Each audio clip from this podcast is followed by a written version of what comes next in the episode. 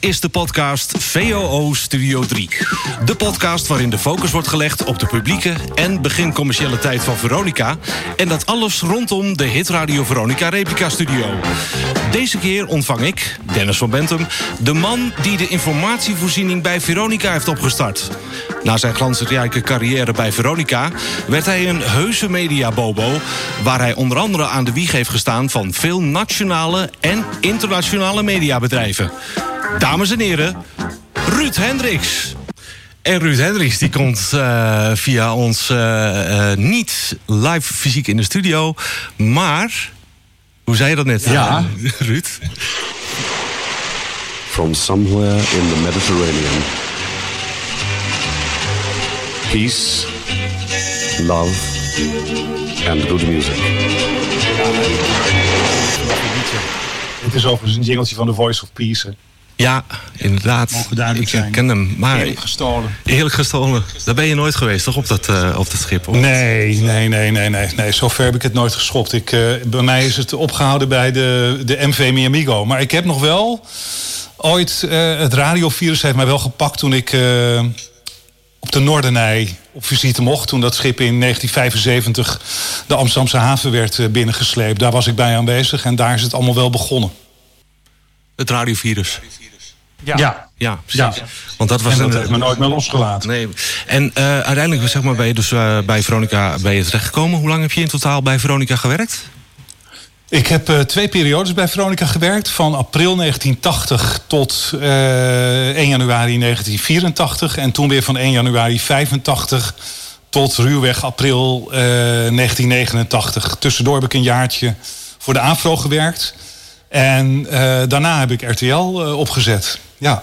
Ja, en daar gaan we natuurlijk in deze podcast allemaal over hebben. We gaan een beetje inzoomen op, op zeg maar jouw, jouw periode bij Veronica natuurlijk, het publieke Veronica. Maar inderdaad ben ik altijd wel eerst even in het begin altijd benieuwd naar waar is het radiozaadje geplant? Op welk moment dacht jij van ik wil bij de radio? Nou, ik was wel een, een uh, trouwe luisteraar, vooral van Radio Noordzee in de jaren 70 en ook wel van Veronica. En toen in augustus uh, 75 de Noordernij, de Amsterdamse haven, werd binnengesleept. Met alle zenders en alle studio's en alles er nog op. Toen was ik daarbij aanwezig en ik had net een microfoon gekocht. En daar liep een jongen rond en die had net een cassettedekje gekocht waarmee die kon opnemen. En die zag dat ik een microfoon had en die zei van weet je, jij hebt een microfoon, ik heb een cassettedek. Als we nou jouw microfoon gebruiken en allebei wat interviews maken en die op mijn cassettedek opnemen dan, uh, dan ga ik dat uitzenden. Want ik heb een, een zendertje, Capital Radio, in, uh, in Amsterdam. En nou, die, dat hebben we gedaan. Ik heb toen Pierre Cartner geïnterviewd. En hij belde me de volgende dag op en zei... als je nu afstemt op 95.7 FM... dan hoor je jezelf met Pierre Carter. Dus dat heb ik gedaan. En ja, daarna wist ik één ding zeker. Ik wilde bij de radio en nergens anders. En dat is, uh, dat is gelukt, ja. Op die manier, ja. Hoe, hoe ben je in godsnaam op die Noordernij terechtgekomen toen in 75? Hoe kom je daar binnen? Want, nou, ik ben niet binnengekomen. Nee, ik stond vooral netjes uh, als een klein jongetje op de, op de kade te kijken. Maar ik ben er later wel een keertje op geweest. Ik weet niet meer hoe dat toen geregeld is. Ik ben later wel een keer gewoon aan gaan kloppen en gezegd van mag ik even binnenkijken. En dat is ook wel gelukt. Maar ja, toen, toen ben ik gek geworden van de radio. Maar ik, ik sprak Amsterdams, heel, heel plat Amsterdams. Ja. En uh, ik zat nog op de HAVO. En uh, ja, dus het was heel moeilijk om in die dagen legaal radio te kunnen maken. Je moest of naar de ziekenomroep, of je moest bij een landpiraat gaan werken. Maar zomaar in Hilversum aan de bak komen, dat, dat zat er niet in. En er was nog maar één zeezender over. Caroline en Miamigo uh, lagen nog steeds voor de kust. Maar ik moest natuurlijk eerst mijn schoolopleiding afmaken. Van mijn ouders. Dus uiteindelijk heeft het tot 1978 geduurd, januari 78, voor ik bij uh, Radio Miamigo aan de slag ben gegaan. En toen wel op zee als, als DJ en als nieuwslezer. En ik kwam er al vrij snel achter dat ik als DJ uh, 13 in een dozijn was. En dat iedereen de top 40 wilde presenteren.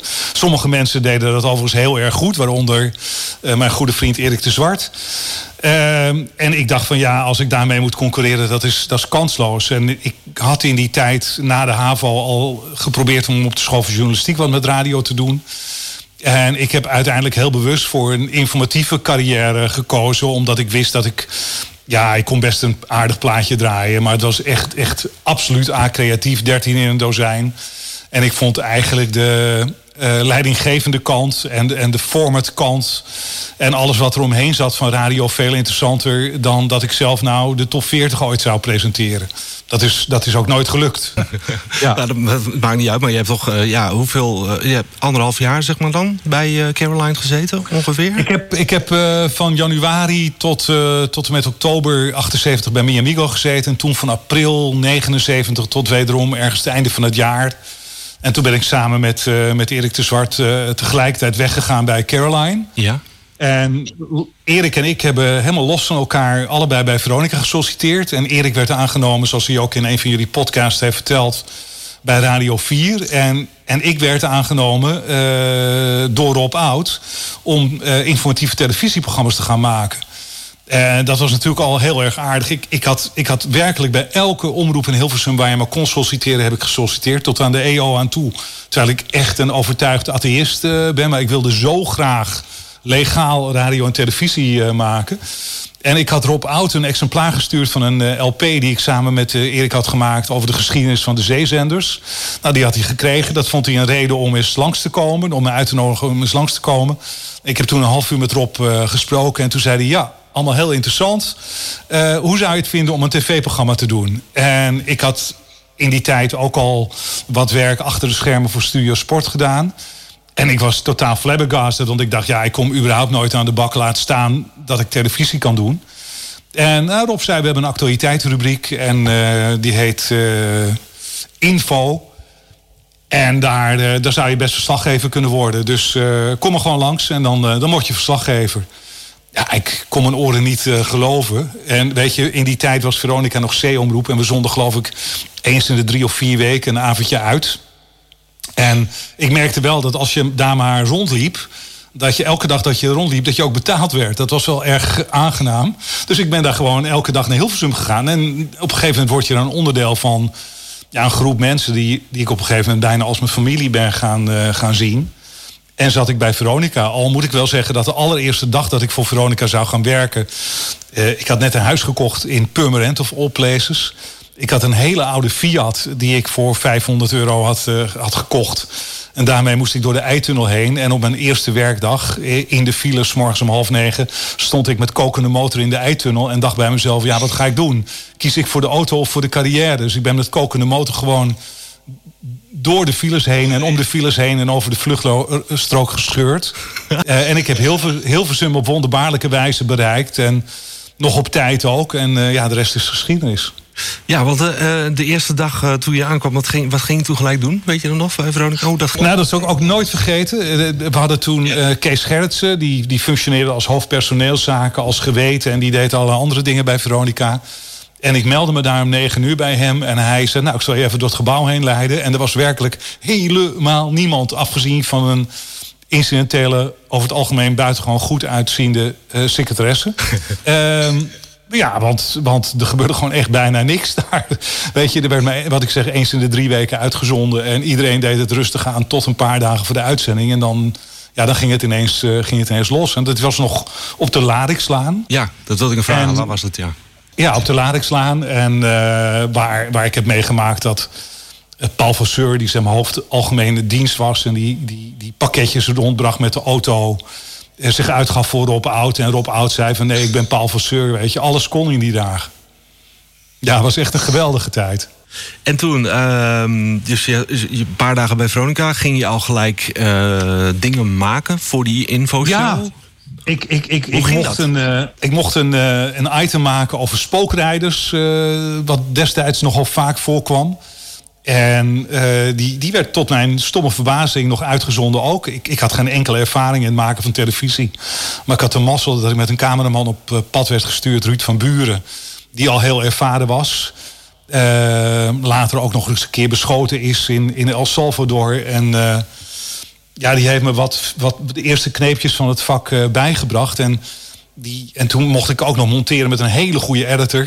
Uh, toevallig heette die Ruud Bernhard. Dus Ruud van Buren, Ruud Bernhard en Ruud Hendricks. Alle drie keer Ruud, ja. En ja, dus die avond werd die, die uh, reportage uitgezonden. En de volgende dag was een soort evaluatie. En daar had uh, Rob Oud die had een memootje gestuurd. En die, daar had hij alleen maar ingezet. Ruud Hendricks, een ontdekking, uitroepteken. Wow. Nou had hij mij zelf ontdekt. Dus, uh, maar het aardige was dat in die dagen als Rob iets zei... ja, dan durfde niemand daar tegenin te gaan. En als ik het nu terugkijk, dan schaam ik me mijn ogen uit mijn hoofd. Maar ja, dat was wel heel prettig. Dus ik, uh, ik, ik had enig krediet, ja. Ja. Hey, zo'n eerste week, de, de, eerste periode dat jij bij Veronica zat... Hè, hoe, hoe zag zo'n week er ongeveer uit? Nou, ik kan niet zeggen dat we in die tijd heel erg hard werkten. Uh, iedereen was vooral bezig om zich bezig te houden. Want er waren maar een paar uurtjes zendtijd op de radio. Er was maar een uurtje uh, gemiddeld zendtijd per week op tv. Hè. Die werden dan opgespaard tot, een, tot één hele avond. Uh, dus mijn werk bestond vooral uit het voorbereiden van, van reportages en het zoeken van onderwerpen. Maar we gingen ook veelvuldig met z'n allen de kroeg in. uh, en het was natuurlijk echt wel een, een, een losgeslagen bende in die tijd. De ene helft van het bedrijf deed het met de andere helft. uh, ja, dat, het was een heel klein clubje. Ik denk dat er in die dagen misschien, als er 30 mensen werkten, dan was het, was het veel. En het was natuurlijk, was natuurlijk ontzettend leuk dat Erik daar ook zat. Want die was dus totaal los van mij. In dezelfde week aangenomen voor Radio 4 als ik voor tv. En uh, dus ik kende tenminste iemand. Maar je werd daar al heel snel opgenomen in wat, ik, wat een soort familie was, weet je. En er zaten mensen als Tieneke, Hans Mond, Bart van Leeuwen, Lex Harding, Rob Oud. Maar ook een hele schade mensen achter de schermen die, die heel weinig mensen uh, kennen. Maar die ontzettend belangrijk zijn geweest voor de groei van dat bedrijf. En voor de dingen die zijn gebeurd. Want ik ben later. Uh, op, ik, ben dus twee periodes bij Veronica geweest. Ik ben eerst met tv begonnen. En uh, ja, al heel snel werd me duidelijk dat de tv die daar gemaakt werd zo slecht was. Dat ik, ja, ik schaamde me eigenlijk rot voor. En ik heb op een gegeven moment ook na een maand of acht heb ik uh, gefrustreerd ontslag genomen. Omdat ik echt vond dat Jan de Vries, die daar die informatieve afdeling leidde, dat hij dat heel slecht deed. En ik had nog geen dag ontslag genomen of Lex belde. En die zei van, hé, hey, ik begrijp dat je weg bent bij tv... maar je moet ook gewoon naar de radio. Want de radio is veel leuker. En, uh, en kom een radio doen. En uh, hoe zou je het vinden om hoofdinformatieve programma's radio te worden? En, en toen zei ik, hoezo? Toen zei hij, nou... Uh, we hadden wat extra zendtijd gekregen op Radio 1... en niemand wist hoe dat ingevuld moest worden. En ik had een, een voorstel gedaan om, om daar Veronica Nieuwsradio te beginnen. de wereld in een half uur. En helemaal niemand zag dat zitten. En vooral Henri Remmers niet, die in die dagen uh, hoofdinformatief programma Radio was. En toen had Lex gezegd van nou ja, weet je, iemand moet dit leiden. En aangezien de enige die het begrijpt uh, Ruud is, want die heeft het ook bedacht... Uh, moet hij het ook maar gaan leiden. Dus ik was, ik was echt nog geen 21. En ik moest leiding gaan geven aan een radioafdeling... waar ja, 15, 20 mensen zaten. Ik had geen enkele autoriteit. Ik heb ook alle fouten die je maar kunt maken in het leiding geven in die dagen... heb ik ook gemaakt... Uh, maar toen hebben we wel een aantal leuke programma's opgezet. Uh, Veronica Nieuwsradio, Radio Romantica. Nou, nog wat van dat soort uh, dingen. Ja, dat was heel erg leuk. Radio Romantica was een soort phone-in programma over seks. En ik weet nog dat we dat programma begonnen. En dat er, hè, dan noem je een telefoonnummer en niemand belde.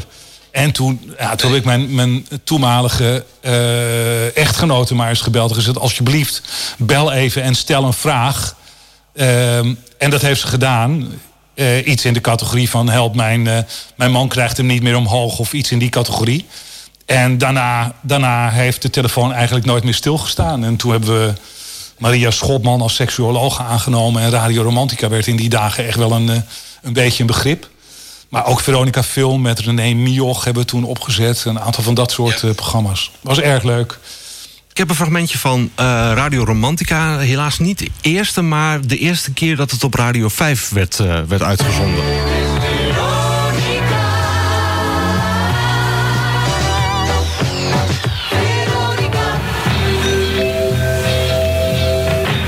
Luisteraars, goedemiddag. Welkom bij Radio Romantica op Radio 5.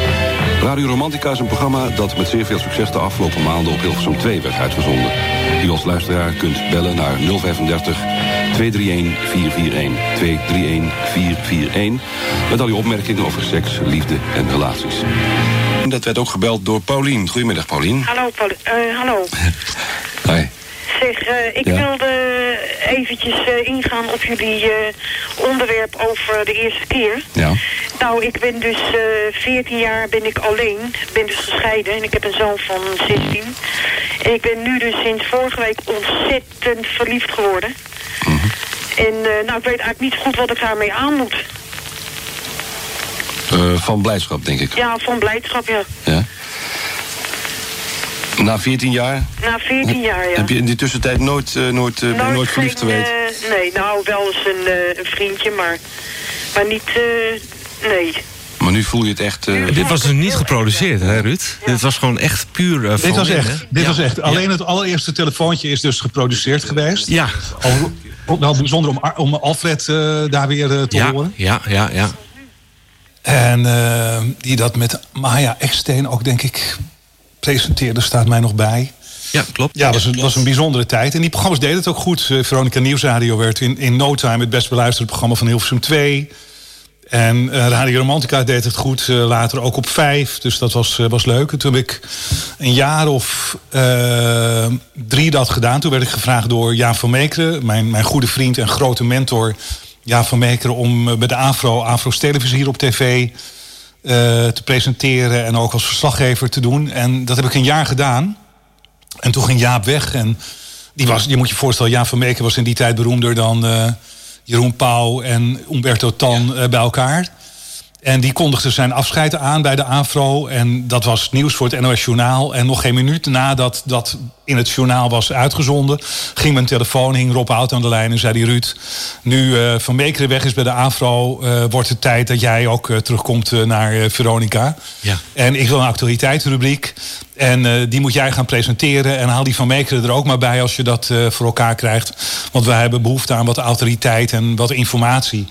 Dus ik ben, ben precies een jaar na mijn vertrek bij Veronica ben ik teruggekomen. En uh, toen zei Rob ook van, uh, ja, wat kost dat zo'n actualiteitenrubriek? En ik wist dat het budget van Afro's Televisie was 30.000 euro per, of 30.000 gulden per uitzending. Dus ik zei ja, 70.000 gulden. Ik zei 70.000 gulden. En toen zei hij, oké, uh, Roger, go ahead. En zo ging dat in die tijd. En ja, Rob die ja, die, die, gaf, die gaf een enorme duw. En dat was natuurlijk ook een enorm vertrouwen. Ik was 24 en toen was ik terug bij Veronica. En uh, nu als hoofd uh, informatieve programma's radio en, uh, en televisie. En dat, dat was een geweldige tijd. En ik heb in die periode ontzettend veel te danken gehad aan allerlei mensen. Maar vooral aan Mieke van Berlo. Die in die tijd secretaresse, de PA van Rob was. Want Rob die, ja, die was er vaak niet. Die worstelde met zijn gezondheid. Die keek nog wel, wel eens iets te diep in een glaasje. En als ik dan iets gedaan wilde krijgen, dan uh, hield Miek een beetje in de gaten wanneer hij echt goed aanspreekbaar was. En dan, uh, dan belde ze, zei ze van ja, zijn agenda zit helemaal vol. Maar hij is nu goed aanspreekbaar en is een goede bui. En uh, je, ik heb nu tien minuten voor je, moet je meteen naar boven komen. Nou, dus dan ren, rende ik de trap op en zei ik tegen Rob: luister, dit en dat en dat willen we doen. En wat vind je ervan? En ja, negen van de tien keer vond hij dat allemaal wel mooi en gebeurde dat ook. Dus ik heb, ik heb heel veel, echt heel erg veel aan Rob Oud te danken. Uh, hij heeft me aangenomen bij Veronica. Hij heeft me teruggehaald naar Veronica. Hij heeft me altijd de hand boven het hoofd gehouden. Ja, geweldige man. Ja. We hebben trouwens even een uh, fragmentje, een beeldfragment... Uh, van de eerste uitzending van Nieuwslijn die uh, op Veronica is uitgezonden. Dat was in 1985. 5 oktober, als ik het niet vergis. Ja? En dan gaan we even naar kijken. Ja, gaan we even naar kijken. Ja, leuk.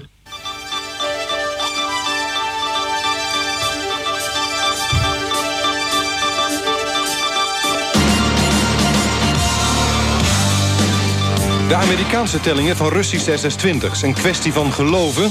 Computers bedreigen onze privacy. 14 miljoen Nederlanders werden 14 miljoen nummers. Klaas de Jonge blijft tenminste nog drie weken... in de voormalige Nederlandse ambassade in Zuid-Afrika. Een gesprek met minister Roelof Bota. Het drinkwater dreigt flink duurder te worden... in verband met de kosten van de reiniging. Bodemvervuiling bederft de smaak van water. Dit is Veronica Nieuwslijn. Veronica Nieuwslijn, dames en heren, goedenavond. Dit wordt onze eerste uitzending. Laten we daar maar niet te veel over zeggen. We komen tenslotte pas kijken, ons past bescheidenheid.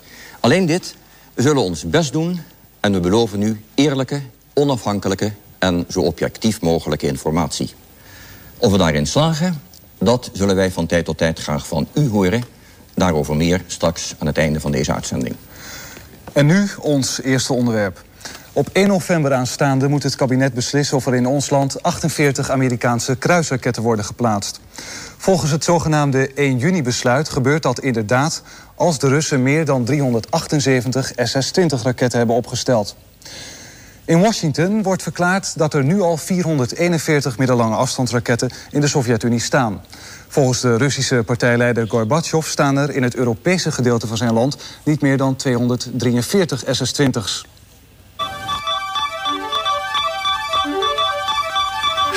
Ja, hoe kijk je naar, Ruud? In onze volgende uitzending. Ja, ik zie een uh, jongetje van 26 dat heel erg zijn best doet om autoriteit uh, te hebben. En uh, ja, dit is 37 jaar geleden. Ja.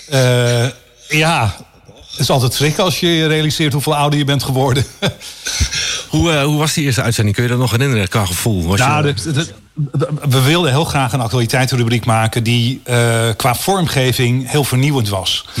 En nu, nu ziet het er natuurlijk allemaal heel gedateerd uit, maar die graphics die we gebruikten, de muziekjes die we gebruikten, uh, de vaste camera-uitsneders die we gebruikten, dat was echt wel anders dan anderen. Uh, Jaap die paste natuurlijk helemaal niet in, in, in dat geheel, want die was toen al veel ouder dan de doelgroep van Veronica. Maar die bracht wel autoriteit. Maar wat weinigen zich realiseren is dat uh, die eerste uitzending bijna niet was doorgegaan. Omdat uh, Rob, Rob Oud, die, had ook nog wel een, een financieel belang bij het Veronica-blad. Daar stonden heel veel sigarettenadvertenties in. En wij hadden een reportage gemaakt over de Marlboro Cowboys. Die mannen die in die tv of in die bioscoopreclames op, uh, op paarden met een sigaret in hun mond uh, over de prairie zag uh, trekken.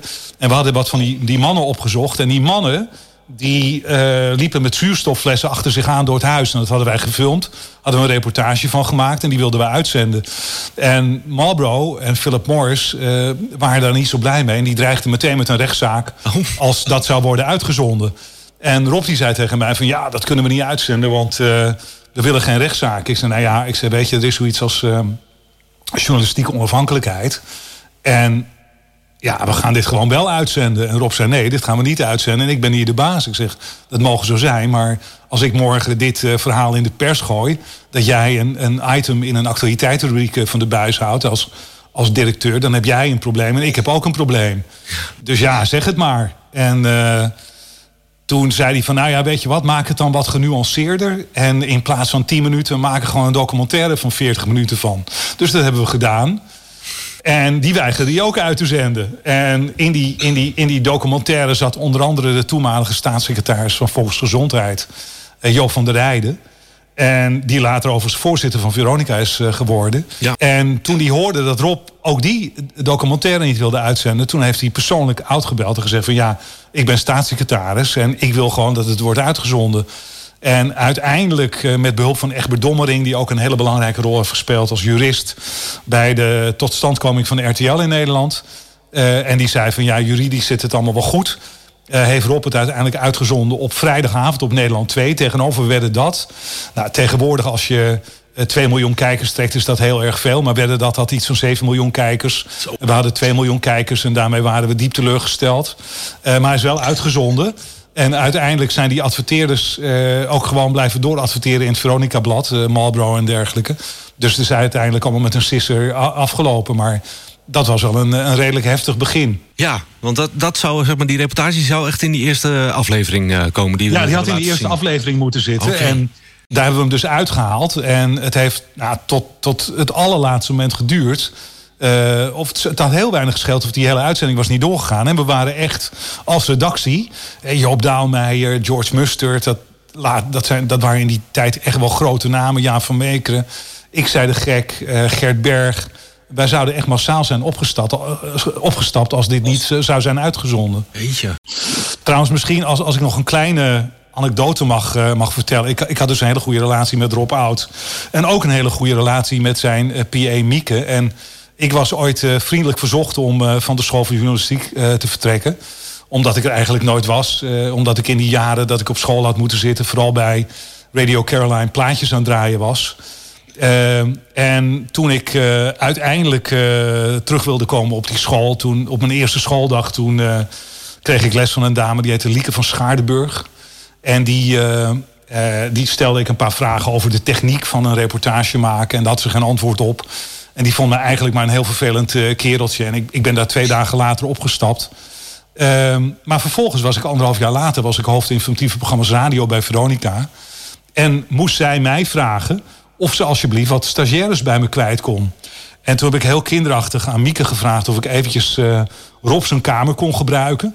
Dus die mevrouw van Schaardenburg die kwam naar Hilversum toe om met mij te spreken. Die heb ik eerst een kwartier heel kinderachtig laten wachten. En daarna heb ik er in de kamer van Rob Oud ontvangen. Had ik wel eerst mijn eigen naambordje even op de deur gedaan. Rob was er toch niet. En, uh, en toen zat ik achter dat grote bureau van Rob. Uh, anderhalf jaar nadat ik haar voor het laatst had gezien. En uh, toen zei ik tegen haar van luister, ik, jij en ik mogen elkaar niet. Maar ik, ik, ik, ga daar niet moeilijk over doen. Maar jij wil stagiaires bij Veronica plaatsen. En ik ben daar wel in geïnteresseerd, maar doe me een plezier. Stuur mij alle stagiaires waar jij een hekel aan hebt. Iedereen die volgens jou te, te commercieel is of uh, iets te assertief is. Uh, al die mensen die jij uh, als te rechts of te onafhankelijk ziet, stuur die maar naar mij toe. Nou, dat, dat heeft ze gedaan. De eerste die kwam was Gert Berg, die later zijn eigen talkshow onder andere bij RTL heeft gehad. en ook bij Veronica. En die uh, een succesvol tv-productiebedrijf is begonnen. Een goede vriend van me is geworden. Uh, de tweede die kwam was Ton Lathouwers. Die, uh, waar, waarmee ik later Sky Radio van de grond heb mogen trekken. de derde die kwam, kwam was Jeroen Wielaert. Die een gevierd wielerverslaggever... bij de NOS is geworden. Tour de France, weet je, had zijn ja, naam mee. Jeroen Wielaert. Joost Oranje kwam, die, die later hoofdredacteur van Nieuwsuur is geworden en adjunct hoofdredacteur van NRC Handelsblad. Dus dat was echt een hele talentvolle, hele goede groep die we daar hebben weten binnen te trekken in die, uh, in die dagen. En een groep waar je ongelooflijk mee kon lachen, want wij hebben echt wel avonturen beleefd daar. Was dat de één lichting, al die namen? Of is dat gewoon verspreid over? Ja, die, nee, nee, nee. Die mensen zijn allemaal in een periode eigenlijk van uh, zes, zeven maanden binnengekomen. Zo. Uh, Joost Oranje, Jeroen Wielaert, Ton Lathouwers, Gert Berg. Echt een gouden, gouden, gouden groep. Gouden vangst. En vreselijk, vreselijk meegelachen. Ja. Ja. Kun je iets beschrijven wat, wat uh, gewoon in de werksfeer of gewoon uh, lekker uh, reportages maken? En, nou, het, het, in, de, in de werksfeer, weet je, ja. Wat er. Weet je, Veronica was in die dagen wel een, een heel seksistisch bedrijf. Weet je, als je als vrouw niet goed uitzag, dan werd je gewoon in principe niet aangenomen. We hadden een dame daar rondlopen die werd het lichaam genoemd. Oh. Uh, Ellen Klaus. Ik ben er toevallig een jaar geleden tegengekomen. En toen zijn we samen even koffie gaan drinken. En toen zei ik, Ellen, weet je hoe je destijds uh, genoemd uh, werd? Uh, antwoord, het lichaam. Ja, en, dat, en dat vond iedereen helemaal, maar helemaal normaal. Tegenwoordig zou dat gewoon volstrekt ondenkbaar uh, zijn, ja. zijn. Nee, dus Veronica was best een. Uh, weet je, de dingen die daar, die daar toen gebeurden, die hadden nu gewoon niet meer gekund. Wat ik zeg, de ene helft van het bedrijf uh, deed het met de andere helft. ik niet overigens. Ik was netjes getrouwd, maar vrijwel iedereen deed dat, deed dat wel. Maar waarschijnlijk als je niet getrouwd was geweest, had je misschien wel meegedaan. Ja, zeker. En ik heb later ook nog wel het een en ander ingehaald. Uh, ik ga geen namen noemen, maar het is allemaal goed gekomen. En, uh, nee, maar het was een leuke tijd. En wat ook leuk was, wat weet je, ik, ik hield me bezig met, uh, met, met nieuwsradio. Maar ik had een mazzel dat ik. Ik, ik, ik zat in een, in een managementteam met Lex hè, in, de, in de radiodirectie en met Hans Mond. En ik hoorde bijvoorbeeld op de radio in Amsterdam bij Decibel hoorde ik uh, uh, Jeroen van Inkel. En ik heb zonder dat Jeroen dat wist een bandje opgenomen en dat aan Lex gegeven. En drie weken later werkte Jeroen van Inkel bij Veronica. En vervolgens hoorde ik bij datzelfde. ja, en, en, vervolgens hoorde ik bij datzelfde Decibel hoorde ik uh, een, een Amerikaan die zich Captain John Holden noemde. En wel een lichte Amsterdamse accent had. Dus dacht ik, ben jij een Amerikaan die, die, die ook een beetje Nederlands spreekt? Of ben je een Nederlander die heel goed Amerikaans Engels spreekt? En daar heb ik ook maar eens een bandje van opgenomen. En in no time werkte hij ook bij ons. En die heette Adam Curry in werkelijkheid. En ja, toen kwam daar uit die groep kwam Simone Walraven. En uh, Daniel Dekker zat daar, die later naar de Tros is gegaan. Uh, Rob van Zomeren, later ook naar de Tros. Jos Maathof, later ook naar Veronica. Ja, er zat zo ongelooflijk veel talent in die, in, die, in die lichting tussen 1980 en 1984. Dat was echt geweldig. Want ja, want de, het, verhaal gaat natuurlijk uh, van Adam Curry dat hij uh, um, aangenomen is op basis van een bandje, videotape wat hij heeft ingestuurd toen Alex Harding ja. dat hij al breakdancend over zijn, uh, ja. zijn auto gaat. Ja, klopt ook. Ja, klopt ook. Ja, ja, Dus dat was toen de doorslag geweest, maar jij had daarvoor had je al een bandje. Ik had, ik had, ja, ik had, ik had Lex al een bandje van, van alles wat daar maar talentvol was, had ik hem al gegeven. En kijk, je hoeft geen helderziende te zijn om te weten dat Jeroen van Inkel natuurlijk een gigantisch talent was. En dat dat ook voor Adam Curry en ook voor Simone Walraven gold. Wat sprak je toen zo aan van uh, Decibel toen je dat hoorde? Nou, Decibel was wel echt een, ten eerste de muziek. Ik, uh, ik hield toen al heel erg van disco. En, en later ben ik ook een heel groot fan van de house geworden. Ik was overigens wel... We waren ook wel een beetje concurrent. Want Erik de Zwart en ik hadden in Amsterdam ooit Radio Uniek, uh, Uniek FM opgezet. En Uniek FM was voor een veel bredere doelgroep. Een beetje vergelijkbaar met wat Radio 2 wat Veronica destijds op Radio 2 deed. Maar ja, Decibel was wel echt een, een, echt een ander geluid. En uh, het on-air talent, weet je, als je letterlijk Curry en Van Inkel in huis hebt. Ja, dat is natuurlijk gewoon geweldig. Echt, echt gewoon geweldig. Geweldige radio. En het was natuurlijk een meesterzet later van Lex om, uh, om die jongens ook bij elkaar te zetten op, uh, op, uh, op wat later 3FM werd. Maar wat ik vooral heel leuk vond was, weet je, ik wilde uh, de, de, journalistieke medewerkers van Veronica laten horen hoe je nieuwsradio een beetje kon laten swingen. Dus ik heb toen. Ja. Uh, ja, we hebben toen allerlei jingles en dingen die in Amerika gebeurden bij 1010 WINS in New York. Uh, all News All the Time, daar heb ik nieuwsradio vandaan gehad. maar bijvoorbeeld, ik vond dat klassieke muziek was, was, was iets heel serieus in Nederland. Hè. Dat, er werd een symfonie gedraaid en dan uh, moest je anderhalve seconde wachten. En dan moest je uh, met een stem alsof er iemand overleden was... moest je zeggen van... Dat was de 40ste symfonie van Mozart... in de uitvoering van het Concertgebouworkest... onder leiding ja. van Bernard Haitink. Terwijl je ook kon zeggen van... hé, hey, het is 32 graden, de zon schijnt... en Bernard Haitink hoorde je samen met het Concertgebouworkest... uiteraard met de 40ste van Mozart. En ik heb toen Adam en Jeroen gevraagd... om een keer een uitzending te maken van... Veronica Nieuwsradio, maar dan zoals zij het zouden doen... En datzelfde hebben ze nog een keer gedaan voor Radio 4 ook. Uh, om gewoon aan Hans Mond te laten horen dat, dat klassieke muziek niet per definitie heel erg somber hoeft te, hoeft te zijn. En uh, nou, als je nu naar Classic FM luistert, ik wil niet zeggen dat het nou allemaal zo swingend is, maar het is een stuk vrolijker dan wat het in de jaren tachtig uh, was. Ja, precies. En, uh, maar goed, Radio 4 kan nog wel uh, redelijk serieus uh, zijn met concerten. Maar ze, hebben, ja. ze, ze, doen onder andere zenden ze nu ook iets met filmmuziek uit. Wat ook ja. klassiek muziek ja. is. Dus dat is... dat is maar, weet je, Dennis, jij en ik hebben elkaar leren kennen bij BNR Nieuwsradio. Waar ik ook nog een tijdje voor heb mogen presenteren. En jij de techniek oh, deed.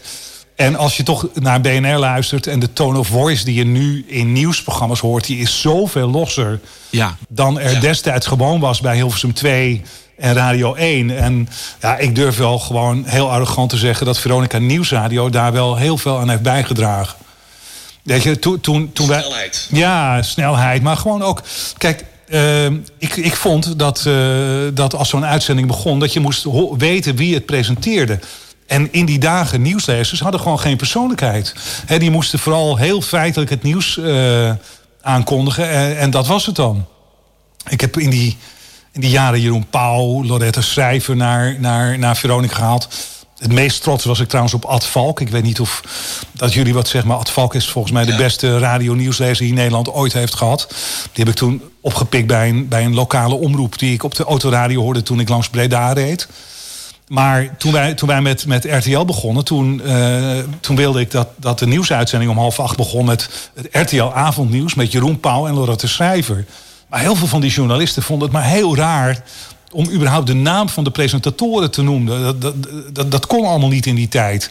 Nou, al dat soort halve taboes en, en overdreven bescheidenheid hebben we toen uh, wel redelijk uh, hardhandig doorbroken. Gewoon gezegd, zo gaan we het doen en daarmee uit. Ja, en dat was zeg maar de, de nieuwslijn. Uh, de wereld in een half uur. Uh, we gaan nog even weer een paar stapjes terug naar het begin van de jaren tachtig. Want je had zeg maar als de info. Uh, sorry, wat was het weer? De grote verwarring. Heb je ook uh, heel ja, veel. De grote verwarring, ja, dat, heel dat was ook wel leuk. Dat was een mediaprogramma. Klopt. En ja. uh, voor de infoshow, zeg maar, had jij ook reportages gemaakt over media, radio en televisie. Ehm, kabeltelevisie, satelliettelevisie. Het ging echt over media. En daar hebben we ook nog even Ja. een eh, fragmentje van. Sinds het einde van de zeezenders Veronica en Noordzee... hebben al heel wat schepen geprobeerd hier op de Noordzee hun plaats in te nemen. Het meest ambitieuze project tot nu toe was wel de MV Magdalena van Radio Miamigo. Maar door de slechte aanpak van de scheepvaarttechnische kant... is dat schip inmiddels al gereduceerd tot lege conserveblikjes. En de geïnvesteerde miljoenen die zijn letterlijk naar de haaien gegaan.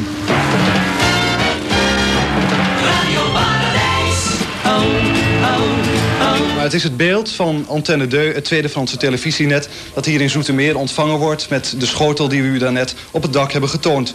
Zo'n schotel staat ook in Amsterdam en binnenkort in Hellendoorn. De OTS-satelliet die dit signaal uitzendt... is een experiment van de Europese ruimteorganisatie, de ESA... die wil zien hoe zo'n televisiesatelliet nu eigenlijk werkt.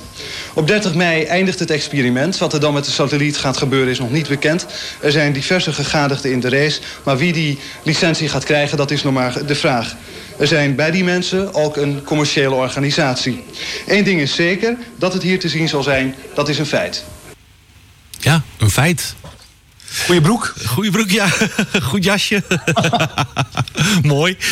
Ja, maar Veronica eh, was, was echt in die eh, begin jaren tachtig... zeker toen ze eh, C-B-status waren... ook heel erg veel druk met media, hoe het daar, daarmee ging.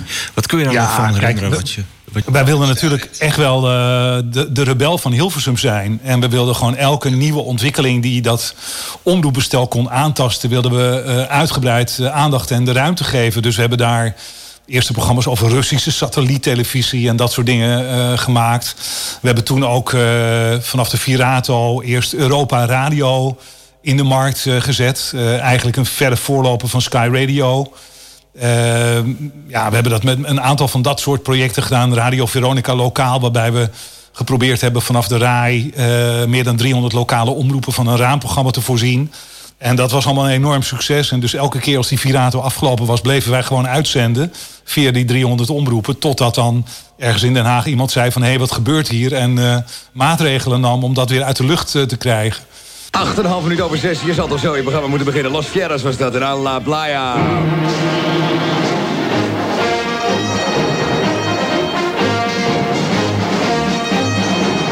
Ziek is het eigenlijk. Alsof er een heel spannend televisieprogramma gaat beginnen... terwijl het hier uitsluitend gaat om radiosignalen die tot u komen. Goedemorgen en welkom bij Ook Goedemorgen op Radio Veronica Lokaal... met uh, ondigetegende hoor je dan te zeggen. Dan staat dat voor Erik de Zwart of wat er ook. Maar Erik de Zwart die zit vanmorgen niet alleen. Tegenover hem zit uh, Ruud Hendricks die hem geestelijke bijstand gaat geven. Die is veel uitgeslapen, maar die klinkt nog een beetje slaperig. Ja, een beetje, beetje, beetje zo heen en weer. Wij gaan het uh, de komende drie uur samen uh, gezamenlijk tot u brengen. En ik kan alleen maar zeggen... Zet je radio keihard. En om maar meteen maar leuk in de, met de deur in huis te vallen eigenlijk om 10 minuten over 6. Wij zijn uitsluitend op zoek naar karakter vandaag. Uh, de eerste de beste die vindt van zichzelf dat hij karakter heeft... die belt met 020 581 3077 en die wint een mooi t-shirt van Veronica Lokaal. Een goedemorgen. Veronica. Goedemorgen.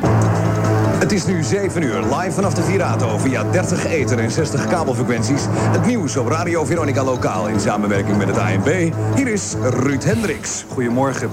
Een 20-jarige Braziliaanse vrouw die het kanaal van Groot-Brittannië naar Frankrijk over wilde zwemmen, is als gevolg van die zwemtocht gestorven.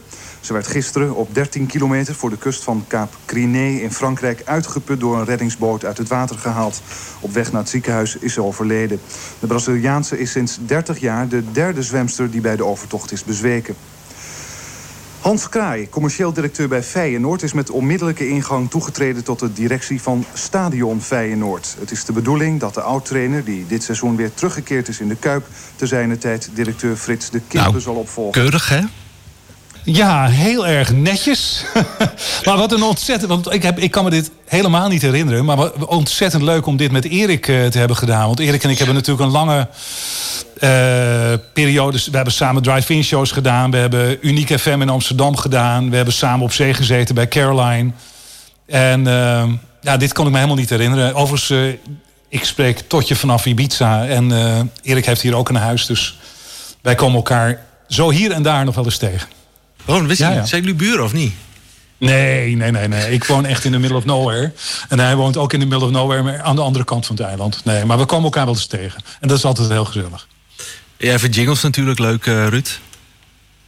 Ik, uh, ik heb niets tegen jingles.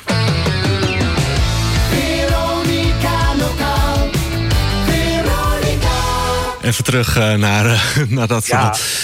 Nou, Veronica Lokaal was eigenlijk het tweede project dat jullie zeg maar, vanaf de Virato deden. Want het is toen begonnen met Europa Radio, hè? Ja, ik, uh, ik, ik kende wat mensen uh, die al met satellietontvangst uh, en dergelijke bezig waren. En de, tijdens de Virato, een, een grote tentoonstelling over radio en televisie, wilde men heel graag allerlei experimenten en dingen die daar op die beurs gebeurden. En wij vonden dat een geweldige dekmantel om gewoon echt te experimenteren met dingen die ons inziens op het randje van wat er wettelijk mogelijk uh, was uh, en waren en kon, kon worden gedaan. En de gedachte was telkens, we proberen tijdens de Virato, werkt het, dan stoppen we er gewoon niet mee. Dus de eerste keer uh, hebben we op, op, op, op de sub sub, uh, een soort van subfrequentie van het tv-signaal van Europa TV van de, publieke, van de Europese publieke omroep, de EBU. Hebben wat radio gedaan, wat, wat al heel snel in half Nederland gewoon te beluisteren was. En, dat, en toen, twee jaar later, toen, uh, toen hebben we het nog een keer gedaan met, uh, met allerlei lokale omroepen. En dat waren eigenlijk allemaal vingeroefeningen, ook technisch gezien, die later hebben geleid tot ja, Sky Radio. En Sky Radio is absoluut weer een voorloper geweest van RTL Veronique. En Veronique is eigenlijk ja, het begin van de echte commerciële televisie in Nederland uh, geweest. Dus uh, het moest zo zijn. Maar in de tussentijd hadden, hadden uh, Ton Lathouwers en Lex Harding en ik al een aantal pogingen gedaan om te kijken of we vanaf hoge heuveltoppen in Noord-Frankrijk, in Lille, over West-Vlaanderen heen uh, Zuid-Nederland met sterke FM-zenders konden bereiken. We waren eigenlijk continu op zoek naar mogelijkheden om commerciële radio te maken. Ja. En uh, dat was een mooie tijd. Veronica Lokaal en uh, Europa Radio inderdaad. Um, gaan we even een. Dat was zeg maar de voorbode voor uh, de commerciële radio Sky. En dan uh, later voor TV RTL Veronique. Um, we gaan nog even terug naar toen Veronica de A-status kreeg. Want toen zijn jullie ook met ontbijttelevisie begonnen. Ja, dat was wel leuk. Uh, Rob die had natuurlijk. Rob was een enorme inspirator, Rob Oud. En die had in Amerika gezien hoe groot ontbijt-tv kon zijn. En die vond dat er nieuwe dingen moesten worden gedaan in, uh, in Nederland. Die, dat Veronica de voorloper daarvan moest zijn. En je kan je nu helemaal niet meer voorstellen. Maar in die dagen zond ja, Nederland 1 en 2 zonden uit van. Uh, van zes uur s'avonds tot een uur of uh, elf, half twaalf. En dan was het gewoon afgelopen. En dan, dan werd iedereen geacht naar bed te gaan. Dus uh, zijn plan was, Rob Ouds plan was, om iets met ontbijt-tv te doen. En uh, ik heb toen het grote voorrecht gehad om als een soort van sidekick van Tineke, Tineke de Nooi, die eerste uitzending te presenteren. U van ook goedemorgen. Voor één keer hebben wij daar zendtijd voor gekregen... omdat we dit weekend vieren dat we aanroep zijn geworden... maar dat zal u zeker niet ontgaan zijn. Wat gaan we doen tot 11 uur? Dat was Ruud Hendricks. Hij presenteert samen met Tineke de Nooi... ontbijttelevisie bij Veronica. In het derde en laatste uur van Ook Goedemorgen... twee tekenfilms...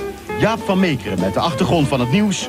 muziek van Rutja Kot, Hilde Vermeulen en Humphrey Campbell... Nog eenmaal naar het KNMI in de beeld en de actualiteit van deze zaterdag 7 december 1985.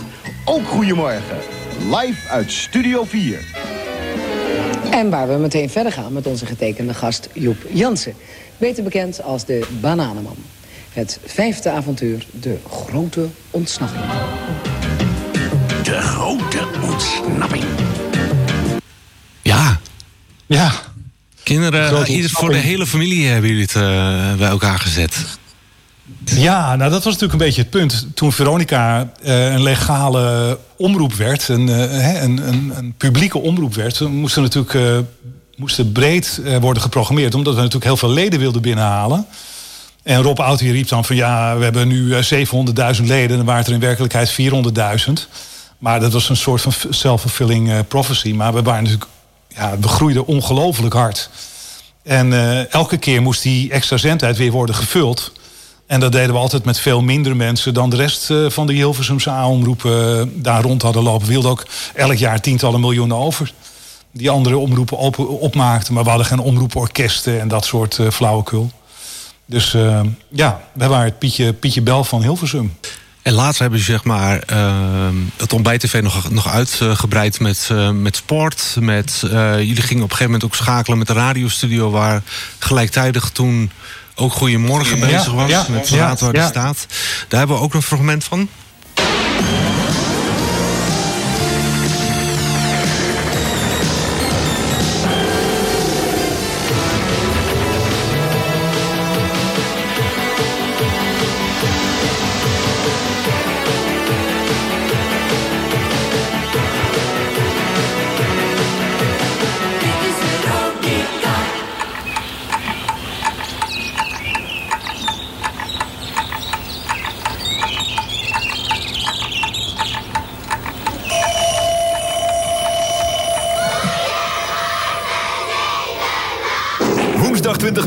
Na 7. Dit is Veronica Sportontbijt. Hier is Simone. Goedemorgen en welkom. Als u al zit te ontbijten, smakelijk eten. Maak er maar een lekker en uitgebreid ontbijt van. Want tot 10 uur hebben wij een 4 sterrenmenu aan onderwerpen voor u. Het nieuws wordt voor u verzorgd door Nieuwslijn. Goedemorgen.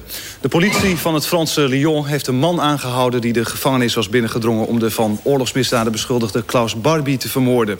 En met een pistool gewapende man had zich vermomd als dokter. Vandaag zullen opnieuw vier slachtoffers van Barbie voor de rechtbank getuigen. Ook vanavond is er bij Veronica in Countdown om 7 uur veel muziek. En als je Countdown zegt, dan zeg je Adam Curry. We gaan eens kijken of we contact kunnen krijgen met Adam. En dan heb ik twee vragen voor je, Adam. A, ben je al wakker? En B, wat zit er in Countdown?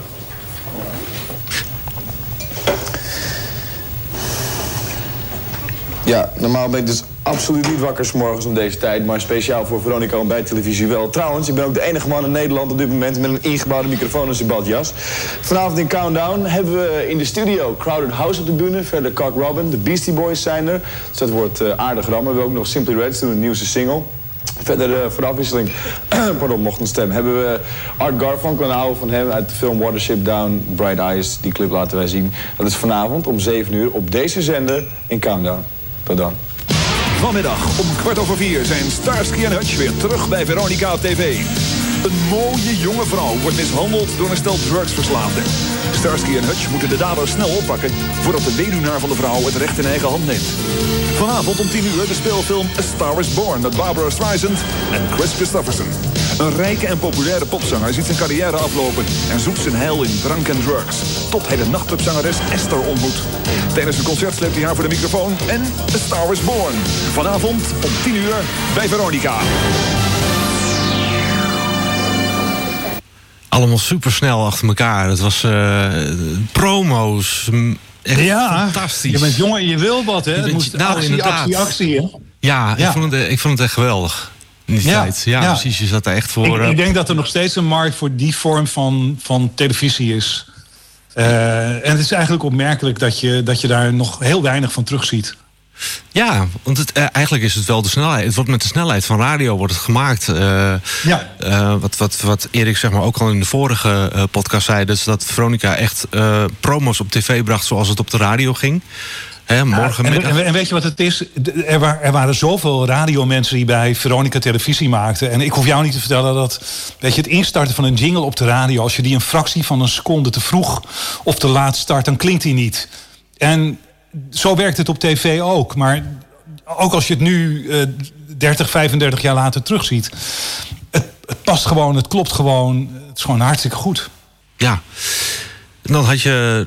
Je zat nog volop in het eh, presenteren van eh, programma's. Eh, wanneer merkte je zeg maar, dat je daar een beetje van daan wilde en wat meer zeg maar, in het, eh, het management of bedrijf? Ja, weet je, ik, ik, ik ben een generalist en ik kan best een programma presenteren. Maar ik, ik vond dat er andere mensen waren die dat echt wel beter konden dan ik dat deed.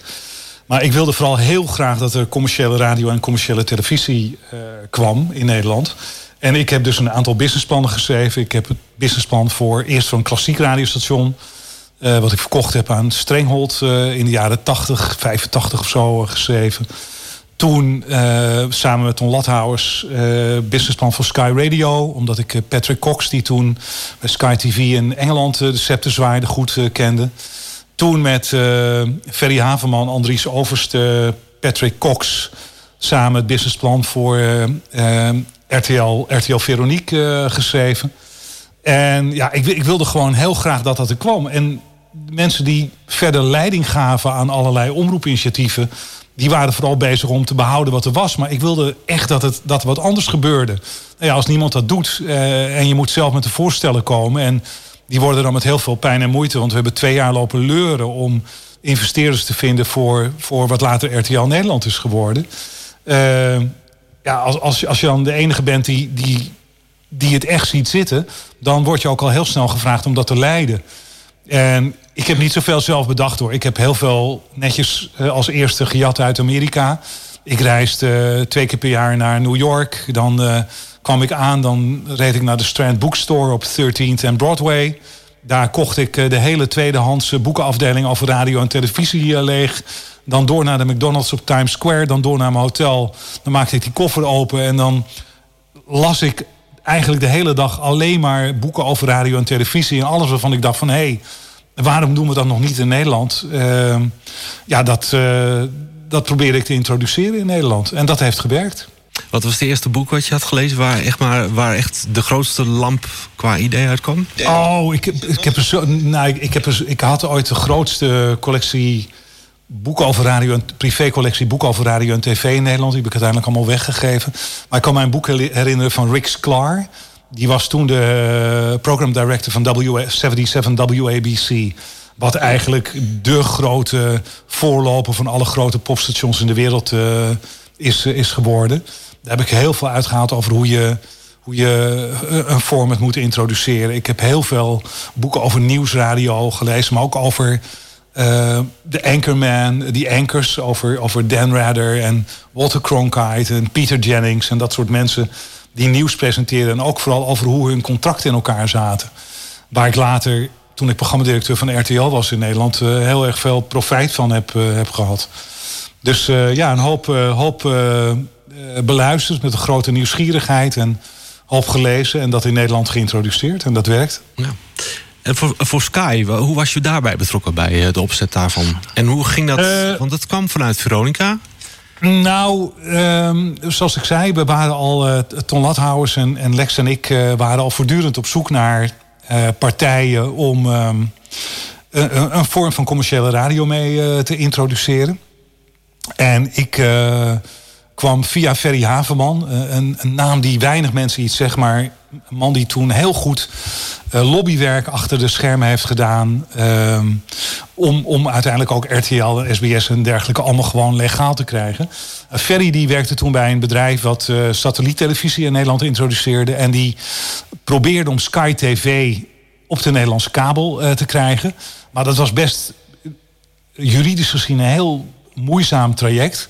En samen met hem bedacht ik mij dat we eigenlijk een soort radioversie van Sky TV uh, als een soort proeftuin, als een, als een soort test moesten doen. En die hebben we toen in contact gebracht met Patrick Cox. Uh, en Patrick was toen de directeur van Sky TV in uh, Engeland.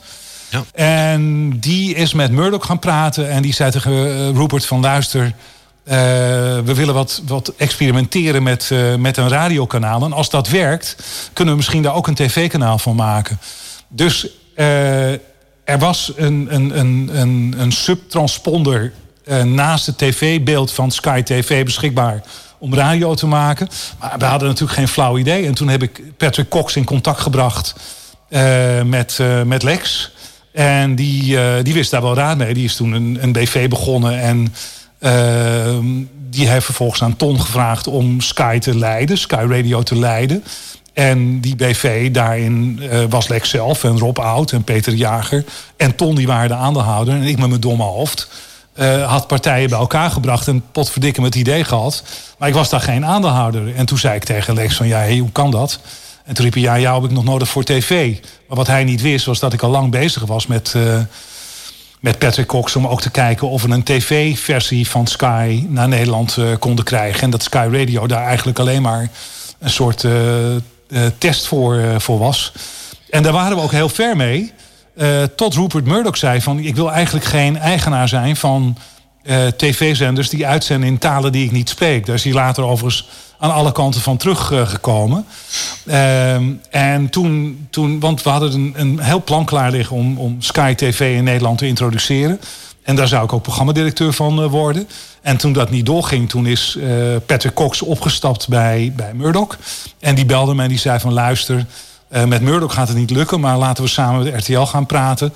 Want ik denk dat we met RTL een veel betere versie van Nederlandstalige commerciële televisie in Nederland kunnen introduceren. En dat is toen ook uiteindelijk gebeurd. Ja, want eh, je had dus al vanuit Engeland een Sky Channel... wat uh, ook uiteindelijk op de Nederlandse kabel kwam. Dus jullie deden dat... Ja, met Linda de Mol. Juist. DJ Cat Show, ja. dat soort dingen. Ja, ik zat altijd voor de tv. Uh, even kijken. Um, uh, dus er was een ander idee om... Want we hadden dus eerst Sky Radio opgezet... als subkanaal van ja. dat Engelse kanaal. En er was dus een idee om een Nederlands Sky ja, we zouden, Sky Radio zou de voorloper zijn van een tv-project.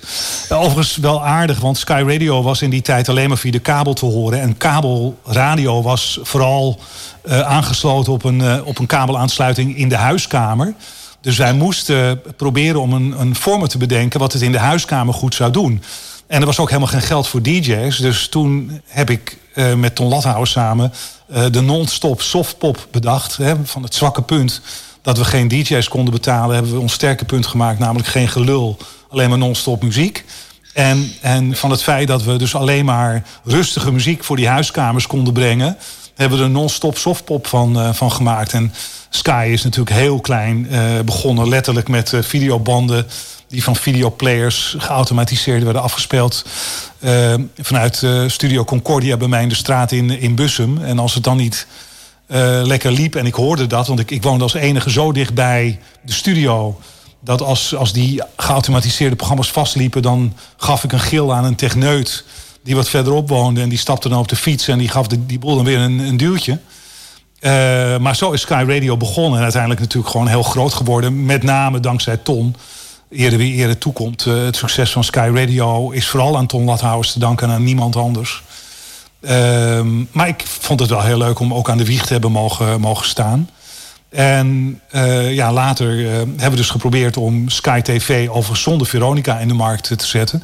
Dat is toen niet gelukt. Toen zijn we met RTL gaan praten. En daar is later toen wel weer de groep rondom Lex en, en Rob Oud en, en Peter Jager bijgekomen. En die zijn nadat we daar uiteindelijk mee zijn gaan uitzenden in oktober 1989, na vier maanden uh, min of meer gedwongen afscheid te nemen. Omdat RTL toen echt verder wilde met uh, VNU en Elsevier en grote Nederlandse partijen. Hm. Toen werd het serieus. Ja, precies. En toen ben ik gebleven. Bij RTL? Ja, omdat ik, kijk, weet je... Uh, met wat er destijds bij Veronica met Sky Radio was gebeurd... ik vond nou niet dat ik, dat ik loyaal diende te zijn aan, aan Lex en Rob in die dagen. Weet je, die hebben uh, ik was buiten Sky Radio gehouden, uh, waar ik wel een sleutelrol had gespeeld. En daarna uh, is er ook nog van alles gebeurd met het businessplan. Wat we voor RTL hadden geschreven en wat min of meer uit onze handen ehm, ja, min of meer gestolen is. overigens is dat allemaal uiteindelijk in goede sferen goed gekomen. Maar Lex en Rob die zijn toen vertrokken. Ik ben programmadirecteur van RTL gebleven. En Daarna uh, door, door NBC weggekocht om, om, CEO van NBC in Londen te worden. En toen lid van de raad van bestuur van Endemol in Nederland. En het is uiteindelijk allemaal goed gekomen met mij. Met mij. Ja, ja, ja, daar gaan we zo nog even ja. over hebben. Ja. Uh, want uh, dat is ook een, natuurlijk een onderdeel in, uh, in deze podcast. Maar we gaan even kijken, want je had natuurlijk Veronica Satellite... die heel veel aandacht besteedde aan commerciële tv in het buitenland. Maar ook zeker in eind jaren tachtig toen de Nederlandse commerciële tv werd geïntroduceerd. Ehm, in het programma geef jij zeg maar, met een perspresentatie wat Veronique gaat brengen. Laat ik u dan nu uh, allereerst wat concretere zaken vertellen over de programmering van Radio Tele Veronique. Die is allereerst herkenbaar. De acht punten uit het rapport Televisie voor Iedereen van de Bond van Adverteerders en van de VEA worden ook door Veronique volledig onderschreven. Ik ga u hier vandaag geen grote namen van programmapresentatoren aankondigen. Niet omdat we er nog niet zijn, maar wel omdat we met een aantal van die mensen de contracten nog moeten tekenen. De onderhandelingen gaan nu echter over de details en niet meer over hun mogelijke komst. Maar ik kan u verzekeren dat we zeer goede vorderingen maken. Binnen enkele weken zullen wij u exact gaan vertellen... wie bij Veronique de diverse afdelingen gaan controleren... en wie de programma's gaan verzorgen.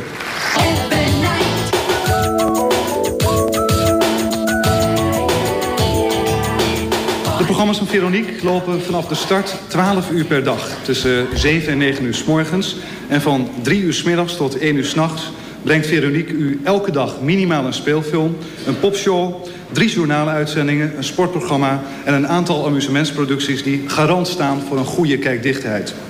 Maar er wordt naar gestreefd zo snel mogelijk de hele dag uit te gaan zenden. En in het weekend, op zaterdag en zondag, zijn we er de hele dag van 8 uur s morgens tot 1 uur s'nachts.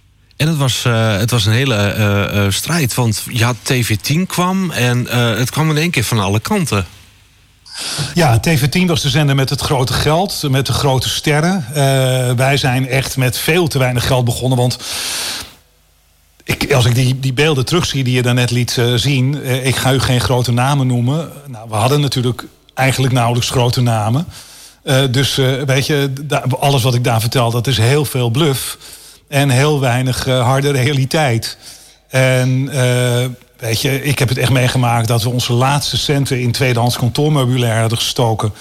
Uh, om met een klein groepje mensen RTL op te gaan zetten in Nederland. De aandeelhouders die waren zo bang dat het juridisch allemaal niet zou lukken. Omdat wij natuurlijk aan alle kanten met U-bochten en dergelijke vanuit Luxemburg de wetten aan het omzeilen waren. Dat die, we hadden geen, letterlijk geen cent op de bank staan. Het was zo erg dat ik op een gegeven moment geen taxi meer kon bestellen om naar Schiphol te komen. Om vandaar naar Luxemburg uh, te vliegen. Uh, er was echt gewoon helemaal niets. Hè. Die uitzendingen zijn ook echt houtje touwtje begonnen. En achteraf bekeken was dat ook heel erg goed. Want die eerste maanden keken er heel weinig mensen. Moesten nog op de kabel komen in heel veel steden. Dus het zou ook heel dom zijn geweest om toen al heel veel geld uit te geven. Maar toen we na vier maanden de kabeldekking echt voor elkaar hadden... en een marktaandeel hadden van 8%... waar nu heel veel zenders heel blij mee zouden zijn... toen was TV10 van Joop van de Ende... Um, zo goed als failliet. Want die hadden uiteindelijk geen toestemming gekregen om uit te zenden. Dus Joop die had de programma's, maar niet de zender. Waren de zender, maar niet de programma's. Nou, die twee hebben we toen met elkaar gecombineerd. En uh, ja, vanaf januari 1980, 1990 was RTL 4 de best bekeken zender van Nederland. En we hebben nooit meer omgekeken. Dat was geweldig. En, en Heel veel mensen namen ons voor die tijd in Hilversum niet serieus. En wij wisten gewoon, weet je, dit is normaal het begin. En uh, met, met een paar maanden laten we jullie alle hoeken van de kamer zien. En dat is ook echt gebeurd. Ja. Maar had ja. Veronica dat niet moeten zijn? Uh, dat, had Veronica, dat had Veronica moeten zijn, maar er waren een paar problemen. Uh, ten eerste, we kwamen uit een publieke omroep voort. En uh, er waren toch best wel heel veel mensen binnen de publieke omroep die eigenlijk niet voor die commerciële kant geschikt waren. Het was ook echt een hachelijk avontuur. Hè? Ik bedoel, ik heb ontslag genomen. Ik had een gezin. Ik had destijds twee kinderen. Nu drie. En het was maar afwachten of er een maand later nog brood op de plank zou, zou zijn. Dus niet iedereen was bereid om dat, om dat te riskeren. en er kwam bij dat Rob Oud op dat moment eigenlijk fysiek al heel moeilijk in staat was om een dergelijk commercieel bedrijf te leiden. Uh, dat potentiële aandeelhouders al heel snel inzagen dat hij dat eigenlijk niet meer kon. Dat Lex had eigenlijk heel weinig met televisie. Die wilde eigenlijk niks met tv. Die was veel meer van de radio. En uh, ja, ik was een, een blaaskaak uh, van, van 30 die daar zijn best een beetje stond, stond te doen. Dus ja, ik kan me wel voorstellen dat men in Luxemburg dacht van nou hier zetten we toch eerst eventjes wat ervaren mensen uit Luxemburg op, alvorens die eh, jongens uit Nederland de ruimte te geven. Maar uiteindelijk had het natuurlijk zo moeten zijn dat of het nou Veronica was of een andere Nederlandse organisatie, dat het heel triest is dat we uiteindelijk alleen maar commerciële televisie in Nederland hebben kunnen introduceren uh, vanuit Luxemburg. Eh, waardoor er ook heel veel belastinggeld uit Nederland is weggevloeid. Gewoon omdat er in Den Haag uh, zoveel impact was en invloed was van de publieke omroepen die allemaal hun eigen belangen aan het behartigen waren en aan het behouden waren. Ja, het is heel triest wat er is gebeurd. We hebben echt voor elke millimeter ruimte moeten knokken. En als ik kijk naar aan de radiokant hebben Ton Lathouwers en Erik de Zwart hebben dat natuurlijk op een geweldige manier gedaan. Samen met Martin Banka om ook de radiofrequenties stapje voor stapje ja. Uh, van hele kleine zendertjes in het Westland uh, uiteindelijk uh, te brengen naar wat het vandaag de dag is. En nog steeds vind ik die verdeling niet helemaal eerlijk, maar dit terzijde. Je noemde nog even Rob Oud. Wat, wat heeft als je nu Rob Oud terugdenkt, hij is natuurlijk niet meer onder ons. Maar wat, wat schiet jou te binnen als je aan Rob Oud denkt? Wat... Rob, ik, ik, ik, heb het grote voorrecht gehad om met een aantal mensen te mogen werken... die me ongelooflijk hebben geïnspireerd. En Rob Oud was eigenlijk de eerste daarvan. Uh, Rob Oud met al zijn tekortkomingen. En, en achteraf denk ik ook, had hij ook best een gebrek aan kennis. Had een enorm gevoel voor timing. Dus die, die, dus die voelde naadloos aan wat het, wat het publiek wilde. En ook voor marketing. Eh, de Veronica promotieteams uh, die samen met Jan Morien in de markt uh, zetten. Dat was echt, echt geniaal. En Rob Oud was bovenal een inspirator. Dus wat hij misschien aan kennis tekort kwam... dat wist hij verbaal zo goed te compenseren. Rob Oud die kon echt gewoon op, op tafel in, in, in het restaurant van het Veronica-gebouw gaan staan... en zeggen, jongens, we rennen met z'n allen naar het dak... en we springen met z'n allen naar beneden, want dat is goed voor de zender... en daarmee worden we de grootste van Europa. En mensen hadden de neiging om het te doen. Ja, hij, hij, hij, hij, hij geloofde ook in zijn eigen voorspellingen. Uh, en ook al waren die soms krankzinnig optimistisch, uiteindelijk werden ze misschien soms wat later dan normaal, maar ze werden wel werkelijkheid.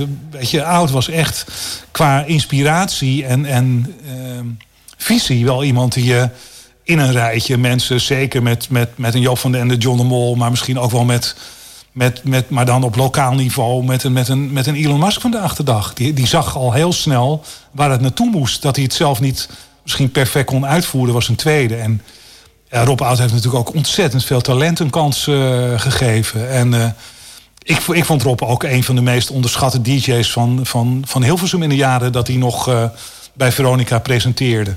ik mocht altijd graag naar, naar Rob luisteren. Ja. Ja, luister je veel naar de zeezender ook, Veronica destijds? Dat die uh... Ik, ik luisterde veel naar de zeezender. Dat was natuurlijk ook een groot voorrecht om met allerlei mensen waar je als klein jongetje naar luisterde op de radio. Naar Rob Oud, naar Tineke, naar Lex. Om met die mensen uiteindelijk ook te mogen werken. Uh, dus dat, ja, dat was wel geweldig. Maar ik moet wel eerlijk zeggen, toen, toen, toen Noordzee kwam... toen werd ik al snel een groot fan. Met name van, van Leo van der Goot. Ja. Die ik zo af en toe nog eens zie, omdat wij een gezamenlijke passie voor ruimtevaart hebben. En er zijn weinig andere mensen die die passie hebben.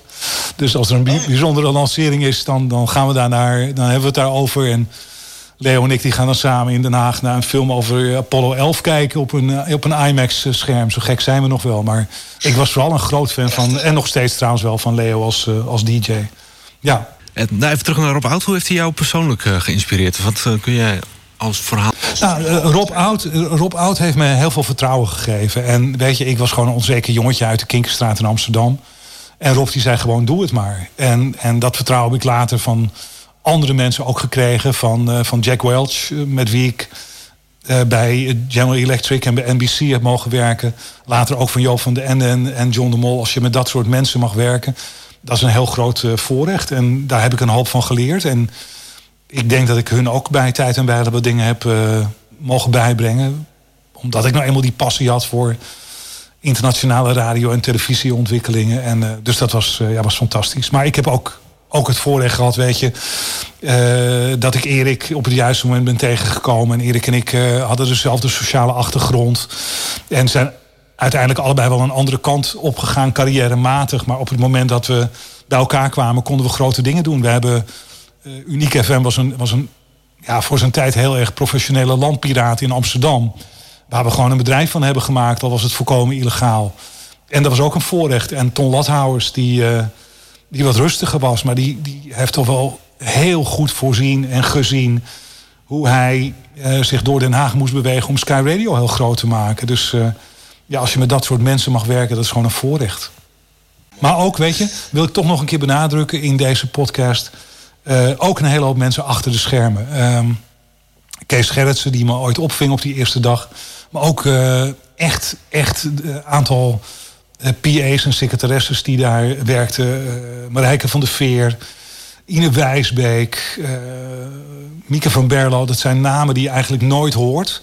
Maar zonder wie commerciële radio en televisie in Nederland er veel later of niet zou zijn gekomen. Met behulp van, zeg maar. Ja, weet je, weet je toen, toen, toen wij met RTL begonnen, toen moest er een BV worden opgezet. En en dat kon niet op onze eigen namen, want die, die waren te zeer aan de publieke omroep gebonden. Maar Mieke van Berlo die deed dat gewoon even. Ja, ongelooflijk, weet je. En uh, ja, dat, was, dat zijn mensen, weet je, ik heb, ik heb de meeste al 10, 20 jaar niet gezien. En nog altijd voelen een aantal van die mensen voelen echt als een soort van familie. Uh, Kees Oversier, die filmzaken deed bij Veronica. Die, die oude kern, die, uh, die heeft elkaar, weet je, als ze in de problemen kwamen uh, altijd wel weer geholpen ook. Weet je, ook privé, zakelijk, als er wat gebeurde. Altijd nog steeds als een van die mensen me belt en zegt... luister, ik zit in de, in de shit, kan je me helpen? Dan help ik ze, tuurlijk. Ja. Nou, prachtig. Zo'n mooie vriendschap daar is uh, ontstaan. En uh, dat je elkaar nog steeds kunt zien. Um, Rob Oud, nog even. Jullie waren in te gast samen met uh, Kees en Daas van Tros destijds. In het programma van ja, Reur natuurlijk Jan Lenfrink. Jan Lenfrink. Ja, inderdaad. De laatste uitzending, eh, daar waren jullie drie te gast. En uh, daar gaan we even, heb ik even een klein fragmentje van. U moet kiezen en ik begin met Ruud Hendricks. Ruud, jij moet kiezen volgens de formule of of. Jij moet kiezen. Eén van de twee moet weg. Joop van der Ende of jouw baas Ruud Ties. Ruud Ties? Nee. Hoe heet hij? Ties. Nee, hij heet anders hoor. Hij heet Ja, jongen, jongen komt wat weer Ties. Nee, ja? dat soort keuzes moet je nooit maken. Jij moet nu kiezen. Nee, doe ik niet. Als komen de commando's. Dat doe ik niet. Jij moet kiezen. Nee, joh. Oh, daarom maakt hij zo'n goed carrière. Moet hij, hij loopt iedereen mee.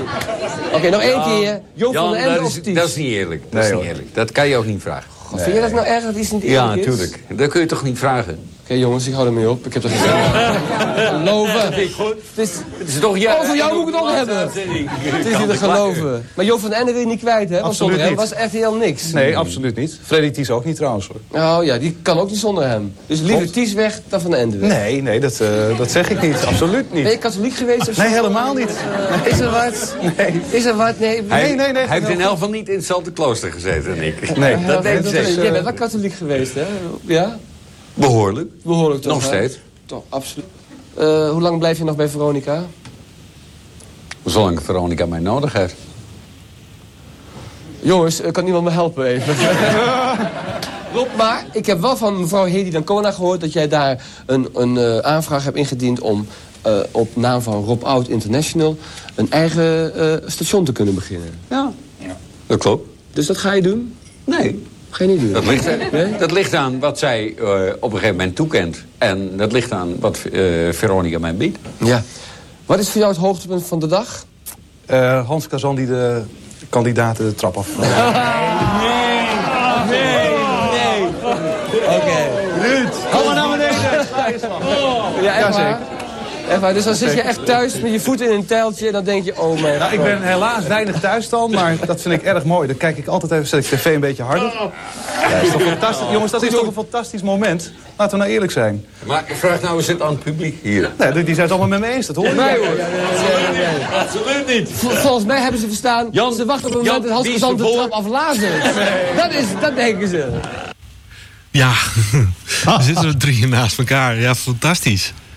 Kun je het nog herinneren? Ja, ik, nee, nou, ik kan me wel herinneren dat ik ooit te gast ben geweest bij Jan. Ja. Maar ik, uh, ik kan me, ik kan me dit, dit de, de inhoud kon ik me niet, uh, niet herinneren. Maar wel, nee. ja, ja. Nou, je ziet wel dat, je, je kan hier wel zien dat ik een stuk relaxter ben dan bij de, aan, bij de aankondiging van RTL. Omdat natuurlijk op dat moment al duidelijk was dat RTL echt een groot succes geworden was. En uh, overigens heb ik uh, Kees ten Daas altijd als mijn uh, favoriete concurrent gezien. Daar heb ik ook heel veel respect voor. Weet je, wij moesten op vrijdagavond opboksen tegen Medisch Centrum West met de RTL. En dat was toch wel een groot probleem. Vrijdagavond, trosavond. En daarom heb ik er toen voor gekozen om de grote shows van Joop op, op donderdagavond op RTL te programmeren. Om hem een dagje voor te zijn. Ja, precies. inderdaad. Nou, inderdaad, jullie waren zeg maar, toen bij deze uitzending waren je al nou, een kleine twee, twee jaar bezig, zeg maar. Dus eh, in 92 kwam, eh, kwam dit fragment eh, uit. De laatste uitzending van eh, Jan Lin Frink en eh Rur. Rur. Dit is de podcast VO Studio 3. De podcast waarin we de focus leggen op de publieke tijd... en de begincommerciële tijd van Veronica... en het alles rondom deze studio, de Hit Radio Veronica Replica Studio. En bij ons te gast vandaag is eh, Ruud Hendricks... waar we echt fantastische verhalen hebben over gehoord... over eh, ja, begin commerciële tv en natuurlijk ook zijn, eh, zijn werk bij Veronica. En we gaan nu de archiefband doen, Ruud. Ja, dat is, ik, een, eh, eh, dat is heel ik ben erg- benieuwd. Ja, ik ben ook heel benieuwd hoe we dat nu gaan doen. Al, alles wat ik ooit heb gezegd kan tegen me gebruikt worden, begrijp ik. Nee, maar normaal is er, eh, dan, eh, is de gast natuurlijk fysiek in de studio. Dus dit is ook de eerste keer. Maar er is een dobbelsteen in de studio. Die moet ik even gaan opzoeken. En eh, achter op de bank heb ik bij mij eh, staan eh, zes bandjes uit het archief van... eh, een Veronica-medewerker, het zij Jeroen van Inkel, eh Gijs Staverman of een eh, bakje algemeen. En dan eh, gaan we aan de hand van de dobbelsteen gaan we die, eh, gaan we die archiefband eh, eens even beluisteren wat erop staat. Ik ben benieuwd. Dan ga ik nu even de dobbelsteen pakken. Ik zag hem net al in mijn ooghoek liggen. Kijk. Daar is die mensen. Ja. Nou, waar zou ik hem heen gooien? Nou, gooi maar gewoon heel hard op die bank achter je. Oké, komt-ie. in de hoek. In de hoek. Ja. Hoppa, en ik kom Ja. weer terug. Hij komt weer terug. Nummer twee. Nummer twee is het geworden. Dus dan... Oké. Nou, normaal, normaal vraag ik dan de gast van of die even naar eh, de recorder loopt en die band er zelf op legt. Maar ja, dat is een beetje... Ja, dat is nu een beetje moeilijk. Heb ik de eer? Jazeker, ik vertrouw je volkomen. Even kijken, nummer twee. Nummer twee.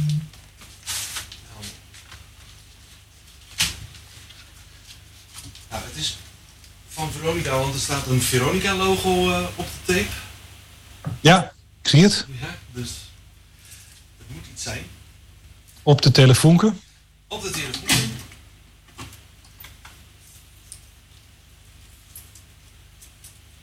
Het is telefoonke toch of is het een Revox? Nee, dit is de Telefoonke M15. Ja, ja.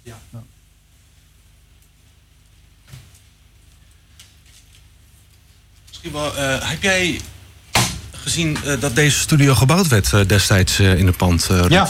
Ja? Ja, ja. ja, ja. Wat kun je er nog van herinneren? Nou, dat als je... Ik weet nog precies waar je, waar je, waar je, waar je, waar je zat in het gebouw. Boven de Boven. Ja. Ja, boven de receptie, zeg maar.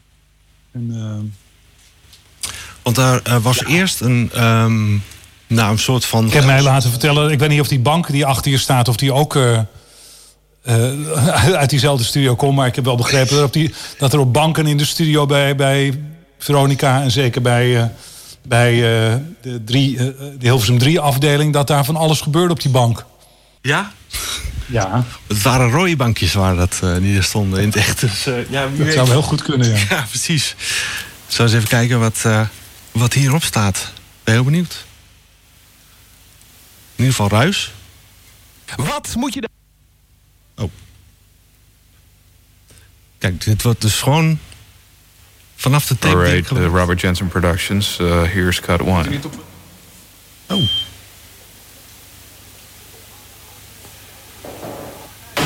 Op maandag 8 mei aanstaande vindt in Arnhem het World Liberty Concert plaats. Aan dit gigantische bevrijdingsspektakel werken onder andere mee UB40, René Vroger en Joe Kakker.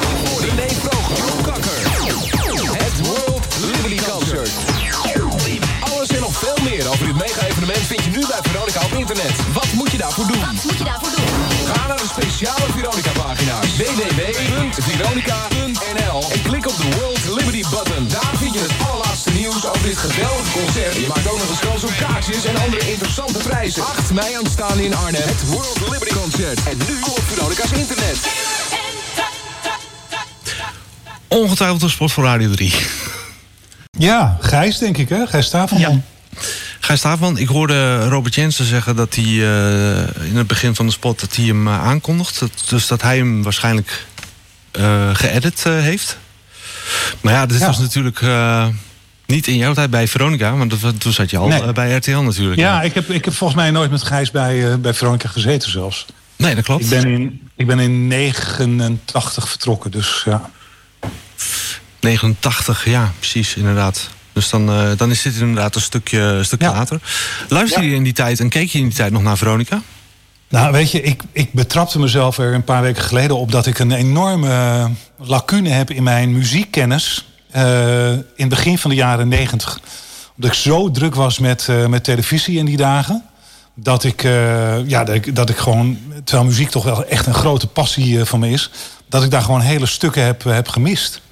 Pearl Jam bijvoorbeeld heb ik pas een paar maanden geleden echt ontdekt uh, wat voor geweldige muziek die in die jaren hebben gemaakt. Terwijl daarna, weet je, ik, ik, ik, ik volgde de muziekwereld nog steeds wel behoorlijk goed. Maar dat begin van de jaren negentig was ik, was ik te druk, dus ik heb ook heel weinig geluisterd. Ik, ik, mij staat nog wel vaag het begin van uh, Hitradio Veronica op 1224 bij. Met Jeroen op de ja. middengolf en dergelijke. Wat toch eigenlijk allemaal een beetje een zwak aftreksel was van wat het ooit was. Dat, uh, ja, 538 was natuurlijk geweldig. Begin daarvan, dat heb ik wel goed gevolgd. Ja, want inderdaad, uh, Veronica is, is zeg maar in 1995 uh, commercieel gegaan. Ja. Um, ben je daar op een of andere manier nog bij betrokken geweest? Tijdens nee, de commercieel nee. gang? Nee, nee, nee, dat is echt... Uh, ik zat in die jaren bij... bij woonde ik in Londen bij, en werkte bij NBC. Ja. En daarna ben ik in... Ik geloof ook in 4 of 95 ben ik naar, naar Nederland terug verhuisd...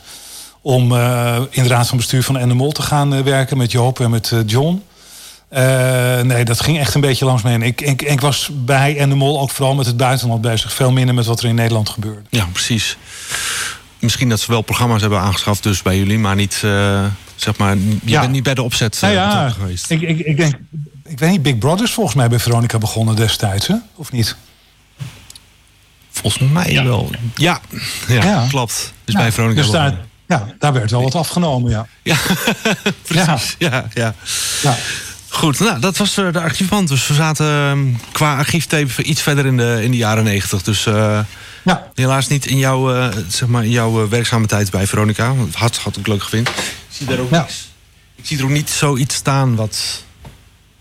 nee, maar... Maar goed, vind ik wel... Nee, volgens mij heb je al meer dan genoeg fragmenten ook uit mijn Zo. jaren gehad. Zo is dat ook. En ja. dan zijn we nu zeg maar een beetje bij het heden. Want ik ben heel erg benieuwd wat, wat Ruud Hendricks tegenwoordig doet. Ja, niet zo heel veel meer. Ik, uh... Mooi. Ja, dat was het dan. Ja. Nee, ik, ben, ik, ik heb op mijn vijftigste, 13 jaar geleden, uh, besloten om echt afscheid te nemen van de media. In ieder geval als ondernemer. Um, ik heb nog wel een aantal jaren, zoals jij weet, bij BNR mogen presenteren in jaren vijf. Met heel veel genoegen. Echt als hobby. Wel een hobby die. Ja, wel een hobby die ik heel serieus nam. En ik heb uh, sinds een jaar of twaalf uh, met Patrick de Zeeuw een, een bedrijf dat uh, start-ups en hele grote ondernemingen helpt met innovatie en heel snel helpt met groeien. Dus wij laten een start-up in drie maanden doen wat normaal gesproken twee jaar kost. bij dat bedrijf Start-up Bootcamp, onderdeel van de InnoLeaps groep, werken nu een 170 mensen in Nederland, Italië, Zuid-Afrika, Australië, Amerika en in Engeland. Um, en ja, door, door middel van dat bedrijf ben ik ook nog aandeelhouder in een kleine duizend uh, start-ups. Uh, dus ik ben heel erg met de techwereld bezig. Daarnaast ben ik uh, commissaris bij InvestNL, het investeringsfonds van de Nederlandse overheid. En ik, ik adviseer nog wel eens wat, wat radio- en televisiemedewerkers. ik adviseer nog wel eens wat, wat ondernemers met, met, met dilemma's waar ze voor staan. Dus ja, ik kom de dag wel goed door. Maar ik, uh, ik, heb, ik heb heel weinig stress nog maar tegenwoordig. En uh, ik uh, ben niet meer operationeel echt actief. En want sinds wanneer woon je op Ibiza? Eigenlijk sinds corona in Nederland kwam. Vanaf 17 maart 2020. Dus nu een kleine 2,5 jaar. Ik ben ongeveer drie weken per maand op Ibiza. En dan ongeveer een week in Nederland. En dan weer drie weken op Ibiza. En tussendoor reizen we ook nog wel eens in januari. Meestal naar Thailand. En ik heb nog kinderen op Bonaire wonen die ik graag zie. Dus ik, ik reis veel. Nou, dan heb je genoeg... Ik heb een leuk leven. Genoeg, ja, ik, ik, kan niet heel, zeggen. Heel prettig, heel prettig bestaan. Een geweldige echtgenote. En Ja. En kriebelt het radiobloed nog een beetje? Heel af en toe. En als ik dan uh, dat merk, dan uh, luister ik naar wat ex-collega's van mij die nog bij allerlei kleinere zendersprogramma's maken. En dan denk ik bij mezelf: wat goed dat ik dat niet doe. um, nee, weet je, ik, zonder namen te noemen, want er zijn best ook een aantal mensen die het heel goed doen. Maar ik vind heel veel mensen die vandaag de dag nog programma's maken, die zeg maar in de jaren tachtig echt sterren waren bij Veronica, ja, dat wat ze nu doen, dat dat toch een zwakker aftreksel is van wat ze vroeger deden. En weet je, ik heb, als ik even heel arrogant mag zijn, het, het, het grote voorrecht gehad om in de Champions League, in ieder geval op, op, op, van, de, van de Nederlandse omroepwereld te mogen spelen. Ja. En ik vind niet dat ik dan nu nog bij allerlei kleinere dingen, uh, internetzenders en dergelijke programma's moet maken. Nog los van het feit dat programma maken gewoon niet mijn sterkste kant is. Uh, eigenlijk vind ik zelf dat de leukste programma's die ik heb gemaakt waren bij BNR. En ook de beste, omdat ik journalistiek, denk ik, toen ook gewoon in een hele goede flow zat. En, en ik moet zeggen, BNR is een geweldig bedrijf, in ieder geval de jaren dat jij en ik er werkten. Zo, zulke leuke mensen. En zo leuk om daar inhoudelijk ook mee bezig uh, te zijn. Ja. Maar ik heb die behoefte gewoon ook helemaal niet meer om zelf nog programma's te maken. Dus ik heb alle apparatuur ervoor. Ik, ik zou morgen een dagelijks uh, programma vanaf Ibiza kunnen maken. En ook vanuit Amsterdam trouwens. Uh, en ik doe wel eens een programmaatje, maar dan doe ik het echt voor mezelf. En dan luister ik het in de auto af en denk ik... oh ja, daarom doe je geen programma's meer. En dat houden we ook zo. Oké. Okay. ja. Nou, in ieder geval, ja. uh, Ruud, heel erg bedankt voor je tijd. En nou, ga lekker weer de zon in. Dan genieten we... Nou, het is 42 graden, dus oh, dat de zon is laat nog ik niet. maar eventjes. Oké. Okay. Op het zwembad. Maar uh, het was mij een groot genoegen. Ja. En uh, tot, een, uh, tot een volgende gelegenheid, Dennis. Tot de en volgende Joris. gelegenheid. Ja. Ga je goed. Bye bye. Dit was de podcast VOO Studio 3 met onze gast Ruud Hendricks. Deze podcast kwam tot stand met medewerking van Ruud Hendricks, Joris Strootman, Jesse Strootman, Jeroen van Inkel, Onno van Radio en TV Verzamelaar en Dennis van Benten.